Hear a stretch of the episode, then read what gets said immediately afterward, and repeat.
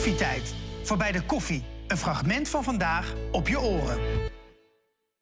Het is uh, de woontrend van dit moment, Japandi. De stijl bestaat al heel lang, maar neemt de laatste tijd steeds meer in populariteit toe. In 2020 begon Laila haar Instagram-account, Japandi Interior. En inmiddels heeft ze maar liefst 517.000 volgers. Welkom, Laila. Ik zou er bijna van schrikken van zoveel volgers, joh. 517.000. Jij bent met Japandi tegen, uh, bezig en... Uh, je deelt de mooiste plaatjes op dat account daarvan. Japandi Living heb je ook als boek gemaakt. Ook weer hele mooie plaatjes. Ja, heel mooi. Maar wat betekent het nou precies, Japandi? Nou ja, zoals uh, uh, zelf ook al aangaf, het is iets wat heel veel mensen denken dat het net gebeurd is, maar uh, niets is minder waar. nadat Japan 200 jaar ongeveer de grenzen dicht heeft gehad, dus in 1850 gingen ze weer open. En toen is, nou, kleine tien jaar later, is een Deense um, ja, man is daarheen gegaan, William. Dat was een marinier en die heeft eigenlijk meteen al was het liefde op het eerste gezicht. En niet alleen voor hem, uh, maar ook uiteindelijk voor Scandinaviërs. Hij heeft er een boek over geschreven en dat werd mega populair. Een interieurboek? Nee, nee. Gewoon over alles wat hij ontdekte. Hij vond de cultuur uh, oh. interessant. En sowieso natuurlijk, Japan is een eiland, zoals de meeste mensen denk ik wel ja. weten. Maar daardoor ja, maakt het vaak ook dat het, en het 200 jaar dicht... dat het heel erg zijn eigen dingen ja. heeft gecreëerd. Ja. En dat zie je heel erg terug, denk ik, op heel veel eilanden. Maar onder andere ook in Japan. Ja. En ze hadden meteen een gemene deler, vakmanschap, natuur. Dus daardoor was het eigenlijk liefde op het eerste gezicht. Wauw, bijzonder hoor. Ja. Want dan, dan zie je dus inderdaad eigenlijk dus het Scandinavische en het Japanse terug in het Japandi. Ja. Uh, maar wat is dan typisch voor die stijl? Hoe zou je het omschrijven? Nou, je hebt eigenlijk, uh, het is een blend dus inderdaad tussen Japans en Scandinavisch. Dus sommige dingen zijn typisch Japans, sommige Scandinavisch en sommige dingen noemen we nu in totaal natuurlijk Japandi. Maar je herkent ook wel dingetjes terug van de een of van de ander. Dat is wat ik er ook zo leuk aan vind als als je zegt van nou, ik vind het Scandinavische wat mooier, dan stop je er iets andere Scandinavische dingen in en anders um, wat meer Japans. Maar wat het echt wat typeert is een stukje kleurgebruik, dus rustige kleuren. Uh, daarmee kan je het eventueel combineren met als je wel wat kleur wilt toevoegen. Maar ook heel erg de organische ronde vormen. Wat je heel erg eigenlijk in elke woonwinkel tegenwoordig volgens mij ziet. Niet alleen in Japan niet, maar alles heeft, nou, zoals we het hier al bij een aantal items zien... Heel veel hebben ronde vormen en dat doet het ook heel goed met alle rechte lijnen... die je in je huis sowieso standaard nou natuurlijk al hebt. Van muren, deurposten. Ja. Dus dat lijnenspel is ook echt typisch uh, okay. Japan. En uiteraard, zoals net al, de natuurlijke materialen. Ja. Dat, uh, daar kan je echt niet zonder. Nee, precies. En als je dan naar het Scandinavische kijkt... dat is natuurlijk echt het lichte, dat blonde hout, zeggen ze ook wel eens. Hè? En dat wordt dan weer mooi zo toegevoegd. Ja, dat is het leukste. Dat is inderdaad echt het uh, Scandinavische. En juist is dat heel mooi met het stuk walnoot... wat bijvoorbeeld weer vanuit Japan meer komt. En dat contrast is ook ja, hetgeen waardoor je natuurlijk wat spanning creëert. Heel veel ja. mensen zeggen wel eens, oh, het is een beetje saai. Maar ja, dat uh, hoeft helemaal niet. Het is nee. net wat je er zelf van, uh, van maakt ja, natuurlijk en uitpikt. Ja. ja. en dat vind jij natuurlijk al helemaal nee, niet. Want nee. je zegt zelfs, Japandi, het is niet alleen een interieurstijl... het is gewoon een leefstijl. Wat bedoel je daarmee? Ja, omdat het naar mij meer omvat dan inderdaad een kleur op de muur. En uiteraard is dat uh, wat je er zelf van maakt. En als iemand alleen de kleur op de muur wil, is dat ook helemaal prima natuurlijk. Maar het hangt wel een beetje samen ook. En dat is ook waarom ik denk dat het nu wat populairder is. Mensen zijn, ja, nu hebben we net ook een mooie film gehad. We zijn Ja. ook wat bewuster van de omgeving om ons heen.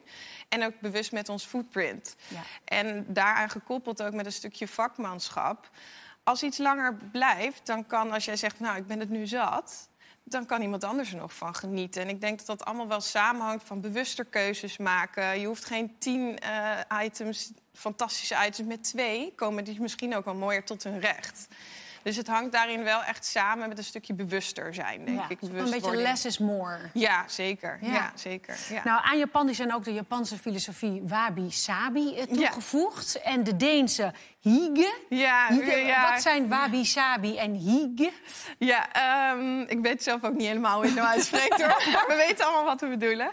Uh, Wabi-sabi is van origineel eigenlijk uh, meer Chinees, dus een boe- zen-boeddhisme. Daar komt het echt vandaan. Maar dan kunnen we hier nog een uur erover praten over wat helemaal vandaan komt. Toegepast over interieur is het echt het stukje uh, het accepteren van imperfecties.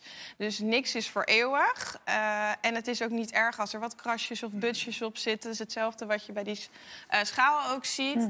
Als iets kapot is, dan kan je het of weggooien. Um, ze zijn vooral begonnen toen jaren terug dat Dus het was ook niet altijd de middelen om natuurlijk altijd maar iets nieuws te kopen. Nee.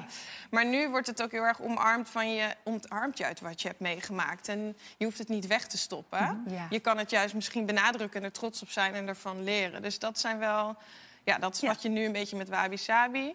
En het huggen is meer echt het gezelligheid, de warmte die er toevoegt. Eh, in Scandinavië heb je zelfs echt hugge momentjes... waar je bewust even, of alleen of met anderen... gewoon even gezelligheid creëert Ja. en even tot rust komt. Eh, maar in het interieur vertaalt het vooral gezelligheid, de structuur, bijvoorbeeld wol of een beetje de kaarsen. Dus echt Ja, het dus warme een beetje de warme Ja. elementen, de Ja. warme stoffen, zodat het een beetje dat cozy gevoel. Ja, ja, met een theetje op een bank Ja. en lekker eh, met een kleedje. Dat is dan een beetje een uh, Ja, Het moment. lijkt wel een, Ja. een, een punt waar eigenlijk een filosofie samenkomt met, met eh, de warmte van het leven. Hè? Want je zegt nou al die gebroken stukken, dat, dat is eigenlijk een soort levenspad. Ja. Maar als je het aan elkaar lijmt, dat is wel jouw leven. Ja, Hè? ja. Zo staat het. En dan Ja. de warmte voeg je eraan toe Ja. Om toch die zorg eh, eraan Ja. te geven. Ik vind het, ik vind heel mooi, mooi. hoor. Kan, je, kan je ook verklaren waarom die stijl dan nu zo populair is? Want Ja. Ja. Ja. ik denk wel dat het samenhangt met nou ja, een stukje bewustwording, wat we net zeiden met die film. Kijk, het zijn allemaal wel mm, dingen waardoor we wat bewuster van onze omgeving zijn. Ik denk dat ook heel veel mensen wat meer aan het verbinden zijn met de natuur, dat waarderen en hopen dat volgende generaties daar ook nog van kunnen Ja. genieten. En dan moeten we er wel iets aan doen. Eh, dus ik denk dat je ook zowel bij mensen, maar ook bij overheden ziet dat je natuurlijk gewoon... je bent wel bewuster met je footprint bezig. En dat is denk ik twintig jaar geleden was dat anders.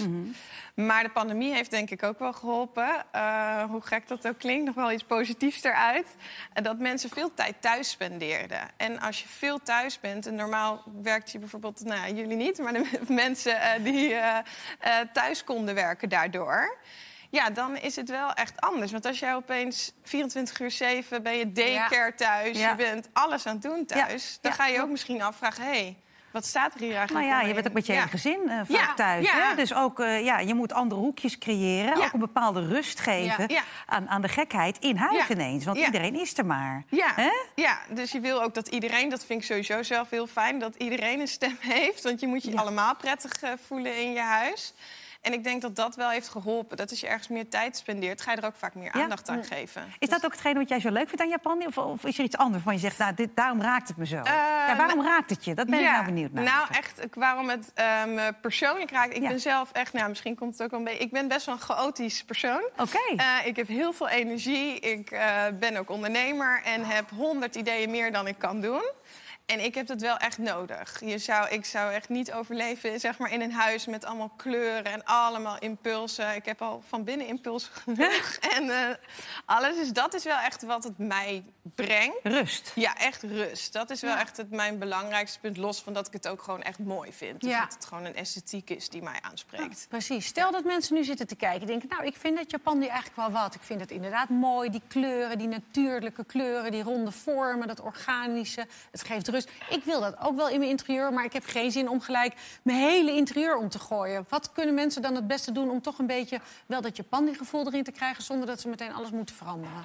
Eh, ik denk dat het makkelijk is, het wel het sufste antwoord, maar wel het eerlijkste antwoord een beetje opruimen. Ik denk dat de meeste, sowieso de meeste stijlen komen naar mijn idee mooier uit wat je ook doet. Als het een beetje ja, opgeruimd is. Dus Ja. ik denk dat wel een beetje de basis is. En daarmee ook genoeg opbergruimte. Eh, zelf zeg ik altijd een beetje 80-20. Dus 80% van je spullen achterdeurtjes en 20% van je spullen buitendeurtjes. Dus Dat om vind het ik zien. Heb ik Ja, nog- 80-20 Ik- kan op dat- alles Dat horen wij altijd hier over eten. hè? Eten, 80 ja, ja. Maar nu is het 80, 20, 80% achter. Ja. Dat je het niet ziet, geen, eh, niet Ja. gestoord wordt van de impulsen. En 20% te Dat is zien. nog best Ja. veel. Dan moet je ook Ja, nog wel veel kastjes Ja. hebben. Ja, ik zit ineens te Nou ja, het ik heb is natuurlijk niks moet, hè? Maar Nee. kijk, als je thuis zegt, ik ga heel goed op Ja. 60, 40, is het ook goed. Maar wel een beetje wel richtlijn. Ja, ja. Ja, en je kan ook een keer afwisselen. Iets wat je dan in een kastje doet. En de dag erop denk je, nou, of die vaas die wil ik eh, nu wisselen. Of je kan natuurlijk het afwisselen. Ja. En uiteindelijk is het denk ik wel belangrijk om iets te zoeken wat bij jou past. Tuurlijk. Kijk, als jij alles erbuiten wil zetten, helemaal prima. Maar ik denk wel dat een stukje bewuster mee omgaan... dat je dan al sneller vindt wat je prettig vindt... dan dat je het allemaal laat. Ja. Dus dat, ik eh, zeker. en dan de leukere tip is denk ik, als je iets nieuws hebt, wees of je iets nieuws wil, kijk dan ook van, hé, hey, wat heb ik al? Als je bijvoorbeeld een houten vloer hebt en een bank met rechte lijnen, misschien als je dan een nieuwe salontafel zoekt, is het leuk om daar organische vorm in terug te laten. Dus ja. wees ook bewust, waar ga je het neerzetten? Waar komt het bij? Dat is eigenlijk net zoals ook met eten. Iets kan heel lekker zijn, maar gecombineerd met iets anders, ja, wordt het er niet lekkerder op. Ja. Dus dat is wel iets wat, eh, ja, wat het denk ik ook Ja, makkelijker een maakt. beetje die ronde vormen toevoegen. ja, Mooi. Ja. Dank je wel. Ja. Hartstikke leuk. Je hebt ons even lekker meegenomen. Ja, heel leuk.